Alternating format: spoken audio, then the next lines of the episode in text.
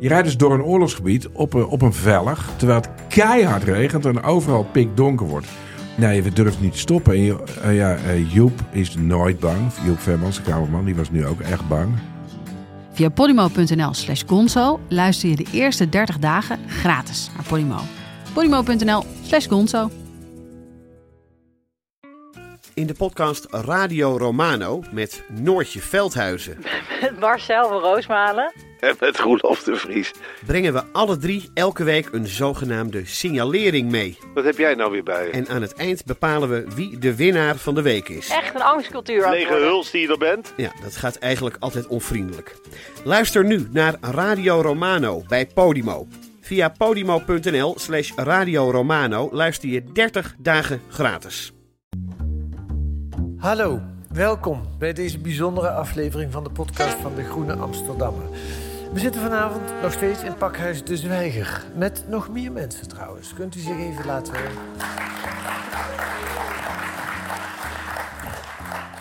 Met Marjan Slop. Welkom Marjan. Dankjewel, wel. Je bent filosoof. Vorige maand won je de J. Greshoff-prijs 2022 met het boek De Lege Hemel. Proficiat nog. Dank je, ja. ja. En vorige maand verscheen ook Door de bomen het huis. Een essay over bouwen met hout. Over bomen, bos en landschap. Maar vooral een pleidooi voor een milieuvriendelijke manier van bouwen. Van bouwen met hout. En misschien eigenlijk wel gewoon voor een milieuvriendelijke manier van leven. Een ontwikkeling waar we vrolijk van kunnen worden. Op allerlei plekken in de wereld verrijzen gebouwen gemaakt van hout. In de bosrijke Scandinavische landen, Canada en Oostenrijk, maar ook in Londen en Tokio.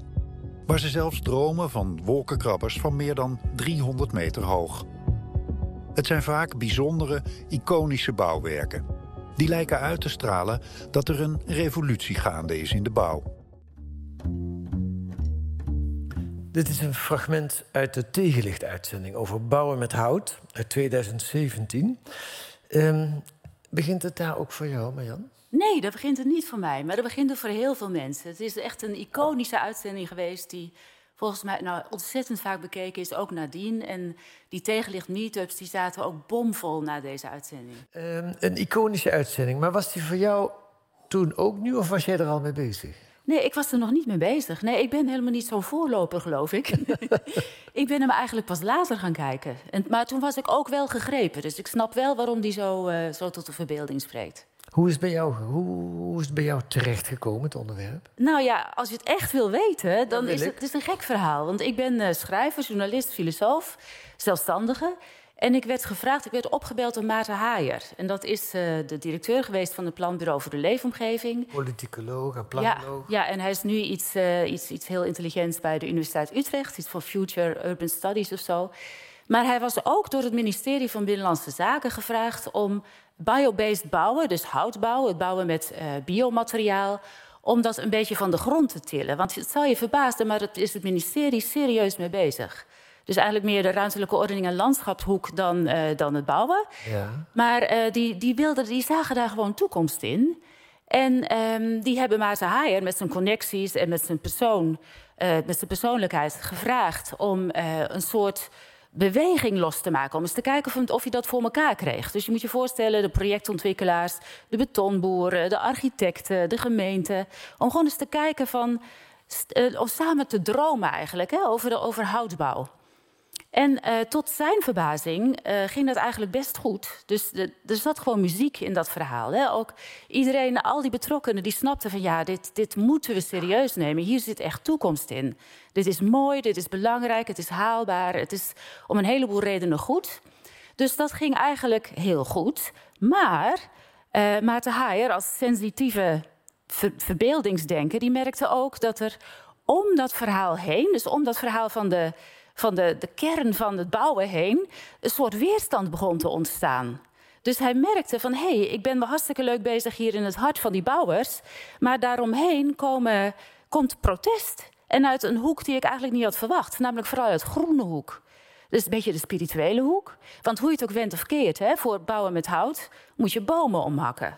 Dat gaat niet anders. Nee. En dat stuit sommige mensen tegen de borst.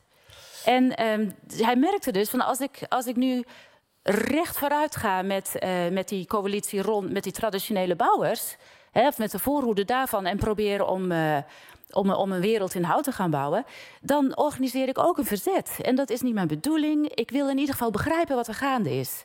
Ik wil begrijpen wat de sentimenten zijn van mensen die, um, die op zich wel snappen wat er zo mooi is in houtbouw, maar die ook een soort pijn voelen als ze daaraan denken. Die gaat over de natuur, over bos, over bomen, over landschap. Een pijn die ik eerlijk gezegd ook wel voel. En um, hij vroeg mij, want we kennen elkaar nou, van eerder werk.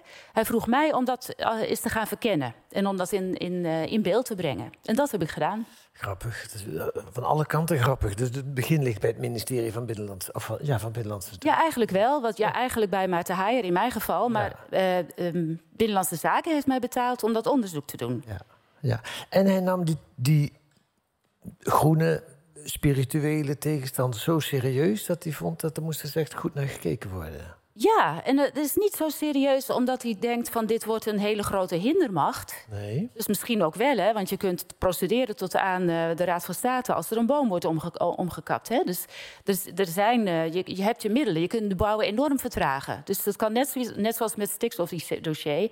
Je kunt projecten heel lang stilleggen als, als je boos bent omdat er iets in het landschap gebeurt. Maar als ik, als ik het inschat, dan is dat niet wat Maarten, zo, uh, of Maarten Heijer zo... Um, wat hij serieus nam. Hij wilde het serieus begrijpen. Van wat, hoe staan mensen, hoe staan ze in de wereld? Weet je, wat beweegt hen? Wat voelen ze? Waar dromen zij over? Wat, wat doet hen pijn? Ik wil het snappen.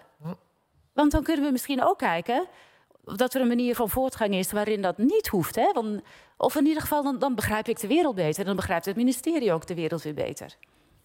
Mooie vraag. En die sloot ook wel iets aan wat binnen Marjan Sloop zelf uh, aanwezig was. Ja, dan gaan we de jongen interviewen.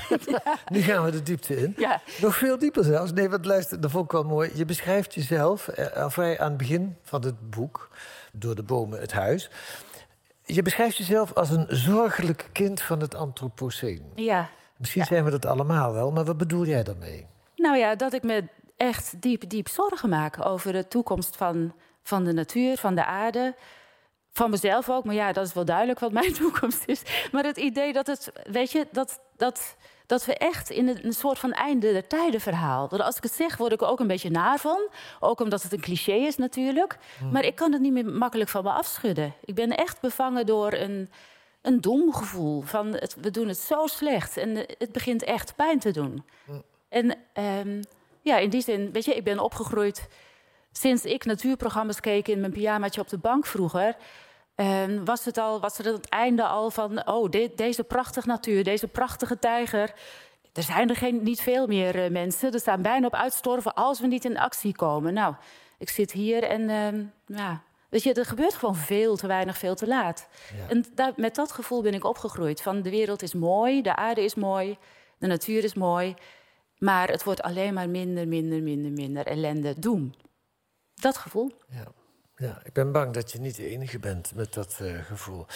Um, maar daar gaan we een oplossing voor verzinnen, namelijk bouwen met hout. Ja, ja, want um, houtbouw is, is dus ontzettend leuk. Omdat, nou ja, je weet waarschijnlijk, als je een boom die groeit op CO2, hè, dus die haalt ja. koolstofdioxide uit de lucht. En dat is een van de stoffen waardoor een boom groeit. Ja, laten we het even uitleggen. Want niet... Ja, want ja. Nou ja, anders, het is eigenlijk heel simpel, maar ja. het is ook snel uitgelegd. Nee, heel goed. Ja. Um, dus die boom groeit van die CO2. En als je een boom zijn ding laat doen, dan vermolmt hij ook weer. En dan, dan komt dat CO2 ook weer in de atmosfeer. Dus het is eigenlijk een gesloten kringloop. Een hele langzame, maar het is een gesloten kringloop.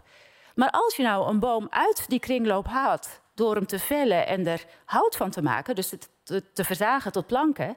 En je gebruikt die planken een beetje slim en lang, dus je stookt ze niet op in een biomassa-centrale of zo, maar je bouwt er huizen van dan stol je eigenlijk dat opgeslagen CO2 in dat hout. Dat blijft erin zitten. En dat blijft er eeuwenlang in zitten als je een beetje goed voor dat hout zorgt. En zolang je maar uh, bomen terugplant, of in ieder geval die bomen zelf hun zaailingen laat, op, uh, laat, laat groeien, dan gaan die onmiddellijk weer CO2 opnemen. Dus dan, dan uh, die, die kringloop gaat dus dan gewoon door. Maar je hebt wel CO2 opgeslagen in dat hout. Ja. Dus de teller van CO2 die loopt terug. En daar komt nog bij dat waar dat hout voor in de plaats komt, namelijk beton, dat- waar nu gebouwen van gemaakt worden, Ja. Daar komt heel veel CO2 bij vrij om Ja. dat te maken. Ja, bij de productie ervan en, en het vervoer ervan. Nou ja, dat is grote ellende. Ja, Dus staal en beton, ik geloof 8% eh, wereldwijd voor, eh, verantwoordelijk voor de CO2-uitstoot. Ja. En dat klinkt misschien niet om ontzettend veel, maar het is al veel meer dan de vliegverkeer. En ehm, ik geloof dat iets van een kwart of zo gaat op aan, aan eh, warmte, aan energie. Eh, dus gewoon stoken en, eh, en brandstof voor eh, machines en voor onze huizen. En voor de rest is het ongeveer een porties van 8 verdeeld. 8%, 10% verdeeld. Dus het is echt een hele serieuze chunk. De hap uit de CO2-cake, zou ik maar zeggen. Ja. Als je die weg zou kunnen nemen. ja, ja. Het mes snijdt aan twee kanten, zou Ja. je kunnen zeggen. Mag ik je vragen iets voor te lezen uit je boek? Ja, dat had je. Had ik al gemaild, hè? Toen zei je, dan moet ik wel mijn leesbril meenemen. Nou, dat heb je gedaan, Ja. gelukkig. Wil je het gedicht op bladzijde 43 voorlezen? Ja. Het is een gedicht van Hans Andreas. Het heet Boombeschrijving. En het gaat zo. Bomen zijn werkelijk. Hun bladeren praten werkelijk. Met woorden veelzeggend en letterloos. Hun toppen zingen. Hun stammen zwijgen, hoorbaar. Hun wortels houden van de aarde. Bij een boom staande moet ik wel ademen als een boom. Naar een boom ziende zie ik hemel en aarde in elkanders armen. Want een boom, een boom is een bruiloft. Punt. Prachtig. Je leest het ook heel mooi. Maar ja, dus dat, dat gaat niet goed voor de houtbouw, want die bomen die moeten dan geveld worden. Ja, Dit Ja. is het begin van het hoofdstuk. Je hebt in, in je boek de, beschrijf je de verschillende facetten. Het begint met hout. Hoofdstuk 2 is een boom. Hoofdstuk 3 is een bos. Hoofdstuk 4 is een landschap. Het wordt steeds eh, groter. Maar die boom, die hier als een levend wezen ja, beschreven wordt, wat het natuurlijk ook is Ja. eigenlijk. ja. Maar die moet wel om. Geveld worden. Ja. Ja, hij moet niet geveld worden, maar voor houtbouw moeten de bomen geveld. Ja. ja, en wat dit gedicht heel mooi uitdrukt, vind ik, is de diepe liefde die mensen kunnen voelen voor bomen. ja. En die ik ook voel. En het, het zijn ook majestueuze wezens op een of andere manier. Hè? En Wat zijn het? Majestueuze wezens. Omdat Ja. ze, ze zijn groot, ze zijn een beetje... Ze overstijgen jou op tal van manieren, ook letterlijk. Omdat ze, nou ja, ik heb het natuurlijk niet over een ielplantje bij de boskwekerij... hè, maar over een eik of zo, dat, Ja. zo'n iconische boom. Leeftijd. En leeftijd, dus ze verbinden heel veel. Ze verbinden inderdaad, dat vind ik ook mooi in dit gedicht, hemel en aarde. Omdat als jij omhoog kijkt naar die boom, dan zie je de hemel, maar je ziet ook die takken. En nou ja, ik krijg er een gevoel van, je wordt zelf iets kleiner omdat zo'n boom zo groot is. Maar het gaat ook door de tijd heen, inderdaad. Dus ehm, voor heel veel mensen is het ook een belangrijk idee dat voorouders een boom hebben geplant. Dat geeft een plek weer ook vaak. Hè? Ook waar mensen rondom wonen. Of ik beschrijf in het boekje ook, eh, ik ben zelf eh, van een dorp naar de stad getrokken. Maar als ik in dat dorp, um, in mijn geboortedorp kom, dan stond daar bij het huis van mijn opa en oma altijd een, een treurwilg. Een hele mooie treurwilg die, die, die voor mij bijna een personage is in mijn jeugd. Ben ik En toch benieuwd welk geboortedorp dat is. Giesenburg. Nooit van gehoord. Nou, hou eens op. In welke provincie? Dat is in Zuid-Holland, maar bijna Brabant. Oké, Ja. oké. Maar ik haal je af van die mooie treurwillig. Ja, hoe moet dat nou weer terugkomen? Ja. Maar het is, het is zo, ik ben niet de enige. Hè? Ik ben niet de enige voor wie bomen die contact hebben met bomen. En ik vertel je nu dat, dat ik eh, gewoon gevoel heb bij die treurwillig. Maar er zijn mensen ehm, die, die werkelijk eh, het idee hebben dat ze communiceren met bomen. Er wordt altijd heel lacherig over gedaan, maar ik ben met ze gaan praten. En ze weten wel dat, er, dat, er, dat ze worden uitgelachen, maar dat neemt niet weg dat, dat zij voelen dat er een uitwisseling is met die bomen. En ik geloof niet dat een boom terugpraat persoonlijk, maar het is wel, ik denk wel, ook Maarten Haier indachtig. Hè? Neem serieus wat die mensen voelen. En wat je doet als je, een, eh, als je doordendert met je houtbouwprogramma. Dan, ga je, dan, dan, trap je op hun ziel. En of ze nou gelijk hebben of niet, we leven met elkaar. Wees je daarvan bewust. Probeer te bedenken wat die boom met hen doet. En ook met bosmensen, hè, want ik beschrijf het ook, het zijn allerlei voor mij, allerlei andere sentimenten, eigenlijk manieren om de wereld te ervaren.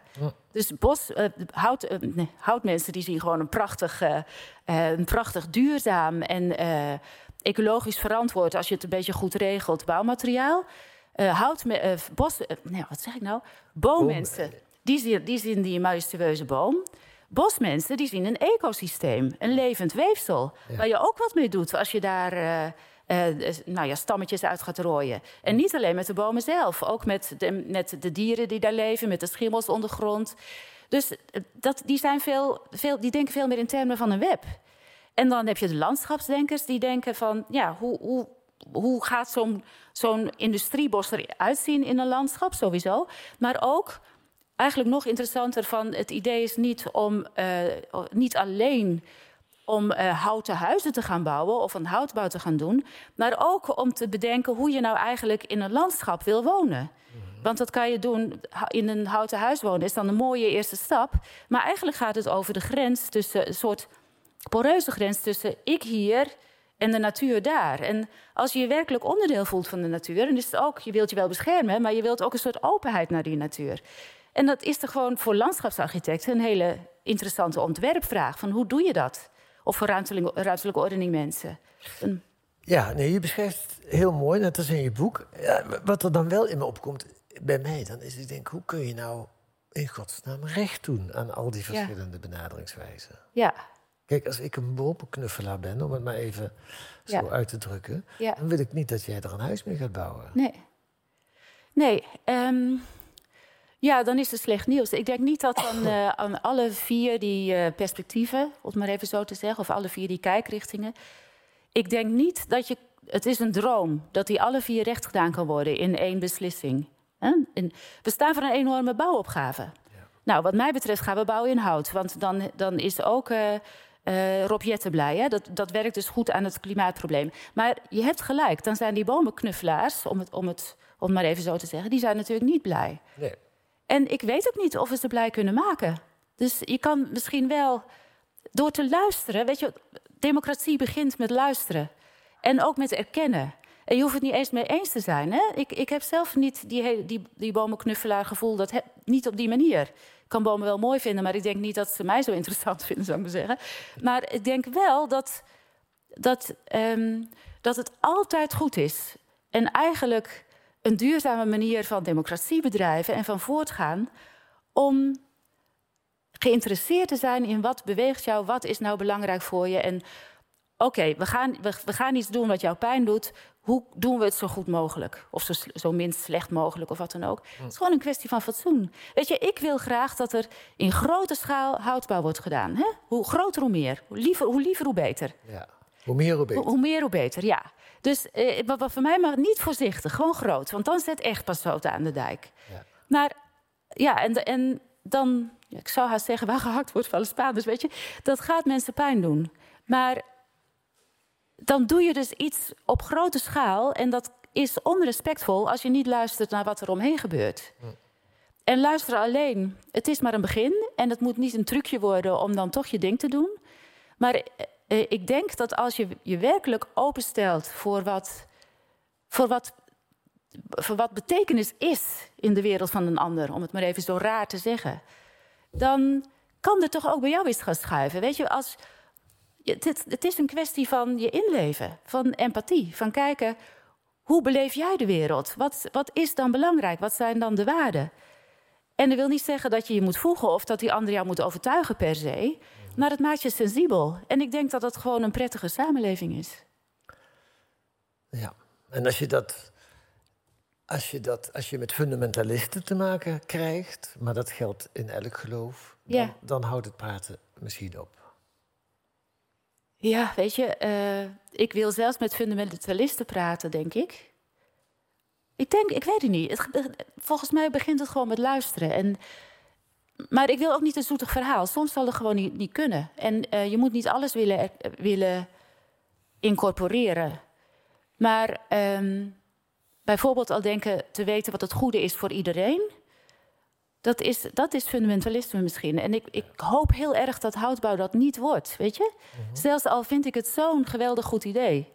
Dus dat is misschien, nou keer ik het een beetje om, maar... Wat zeg je nou? Ik hoop dat het dat niet... Dat houtbouw geen fundamentalist, fundamentalistische Ja. eh, programma wordt. Ja. Want dat voel ik zelf, juist omdat je er zo ontzettend enthousiast over kan worden, voel ik mezelf ook al bijna een apostel, weet je. En dat eh, wil ik ook wel zijn, maar ik wil een luisterende apostel zijn. En ik denk dat, daar, dat de wereld heeft daar behoefte aan, volgens mij. We gaan helemaal naar kerstmis toe. Ja, nou ja. Op het eind lees ik in jouw boek... Ik ben in verwarring en weet werkelijk niet meer wat mijn houding tegenover de natuur moet zijn. Dat is, heb je die hele rondgang heb je dan gemaakt, hè? Langs de boom, langs het hout, langs het bos, langs het landschap. Ik weet werkelijk niet meer wat mijn houding tegenover de natuur moet zijn en wat ik eigenlijk onder natuur moet verstaan. Hoe is het dan nu mee met die verwarring? Oh, die is er nog. Die zal er nog wel even blijven. En is, is die groter geworden door dit essay of Eh, kleiner? Ja, dat is wel, eh, poeh.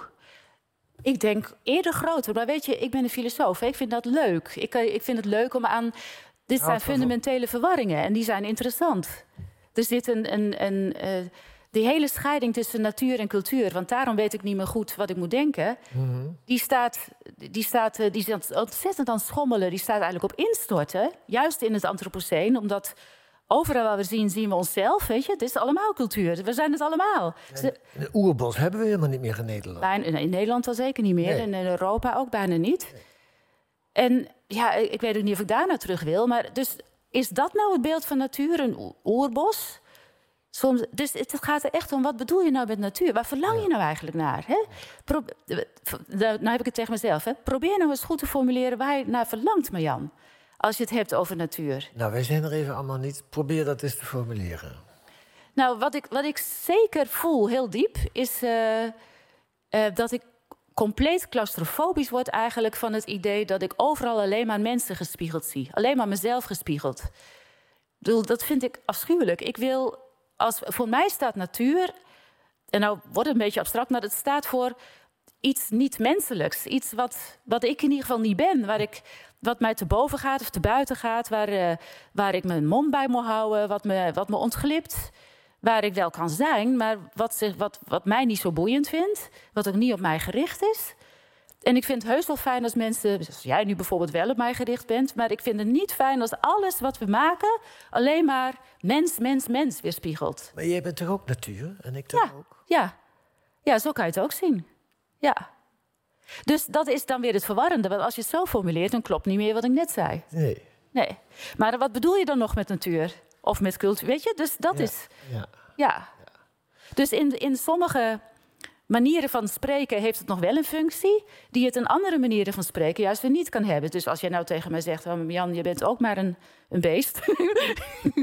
dan heb je hartstikke gelijk. En dan, ben ik, dan, dan sluit die ene manier van pra- praten weer af. Ja. Maar ook daarin probeert wel iets gezegd te worden. Van, laat maar alsjeblieft iets ontstijgen, ontglippen, ontgaan. Weet je, dat vind ik heel fijn. That we learn democracy. Ja. Waarom staat dat voor in je boek? Voor mij, het boekje gaat. Houtbouwen is voor mij een aanleiding om iets te zeggen over democratie. Dus er staat van alles in over houtbouwen, hou ik ook van. Maar het programma, mijn programma, is. Hoe kun je, dat, hoe kun je pluralist blijven terwijl je zo enthousiast bent hè, over houtbouw? En dat is denk ik wat, eh, ja, wat, wat we moeten oefenen. En, ehm, en zo'n forest, ik vond het ook, ook die boommensen, hè, zoals ik ze noem, dus de, de, de mensen die ik heb gesproken voor het hoofdstuk over het bos, dat zijn echt community-denkers. En die laten ook heel, heel, eh, heel goed zien ehm, ja, dat de bomen elkaar nodig hebben, maar ook weer niet. Het, zijn, het is niet alleen maar zoete, zoete pais en vree in het bos, hè. er is natuurlijk ook concurrentie. Het World Wide Web van bomen heb je dan, hè? Ja, ja bijvoorbeeld. En dat, het grappige is dat je- het- het- ja, dit zijn de politico's, hè? de bosmensen, dat zijn de politico's. Want dat gaat, die bomen moeten met elkaar samenleven. En ik ben het eigenlijk ook wel. Als ik mezelf zou moeten typeren, dan zou ik nog het meest zo'n bosmens zijn. Ehm, dus die, dan gaat het erover, hoe zie je nou dat die, wat er gebeurt in dat bos? En eh, de sociaaldemocraten die, die zien samenwerking. De, li- de liberalen die zien, die zien concurrentie. Weet je, het is heel grappig om dat zo, zo Elke te boom vecht voor zichzelf. Ja, precies. Oh, en, en er zijn ook eh, de, de meer spirituele die zien moederbomen die zorgen voor, eh, voor, voor de kindjes. Ja. Dus eh, je ziet gewoon, nou, je ziet jezelf weer terug in zo'n bos. Maar het mooie vind ik ook dat het bos altijd ook een plek van verzet is geweest. Dus Robin Hood zat al in dat bos, in de bomen, te wachten tot, uh, tot, tot de powers uh, langskwamen. En dan, omdat die het bos zo goed kende. Dus het is ook een metafoor voor ken je plek. Weet je, ken het tot in alle haarvaten. Ken, ken elk hoekje, ken elk boompje bij naam. En wees er vertrouwd mee, vergroei ermee bijna. En je zult het veel beter kunnen verdedigen dan, um, dan de mensen die er blind doorheen marcheren om hun ding te doen. Je kijkt ook naar de mystiek, zowel van de boom als van het bos. Nou, weet je, ik moest eerder aan Poetin denken. Ik dacht, dat gaat hem mislukken. In dat, Oekraïners, die kennen hun land, weet je, en die willen hun land. En dat maakt dat ze gewoon betere verzetstrijders zijn. Want er zaten gewoon ook altijd verzetstrijders in het bos. Ja. Goed, dan nog één goed nieuws ding aan het eind van dit gesprek. Ik haal het uit jouw boek. In Nederland groeien jaarlijks meer dan 20.000 huizen. Als je kijkt hoeveel bomen er groeien, en dan tellen we de natuur niet mee, maar alleen de productiebossen.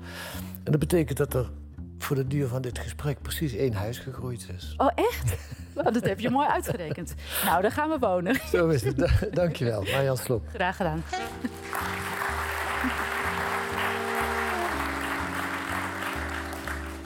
Dank u wel en uh, de bar is open volgens mij.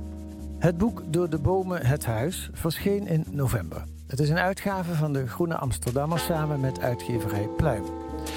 Bij u onder de kerstboom ligt inmiddels een dubbeldikke winterspecial van de Groene... met daarin een portret van de VVD. De partij die de tijdgeest jarenlang goed op de hielen zat... maar nu ontdekt dat je het zonder eigen ideeën toch niet redt. En een reportage uit de abdij Koningshoeve... 18 trappisten leven hier volgens de regels van Benedictus uit de 6e eeuw. 8 uur werken, 8 uur bidden, 8 uur slapen. Ze zingen psalmen die 2500 jaar geleden geschreven werden. En tegelijkertijd zijn ze tegendraad en duurzaam en werken aan een betere wereld. Dat kunt u lezen met een abonnement of een proefabonnement. Ga dan naar groene.nl. Daar kunt u lezen hoe u 10 weken de groene krijgt voor 15 euro. Groene.nl. Wilt u reageren op deze podcast, dan kan dat ook. Stuur een mail naar podcast.groene.nl. En volgende week zijn we er weer met analyses en achtergronden bij het nieuws in deze podcast van De Groene Amsterdammer, die deze week werd gemaakt door Giselle Mijnlief, Ruben Stift en Kees van der Bos. De muziek is A Tune for N van Paul van Kemenade. Tot volgende week.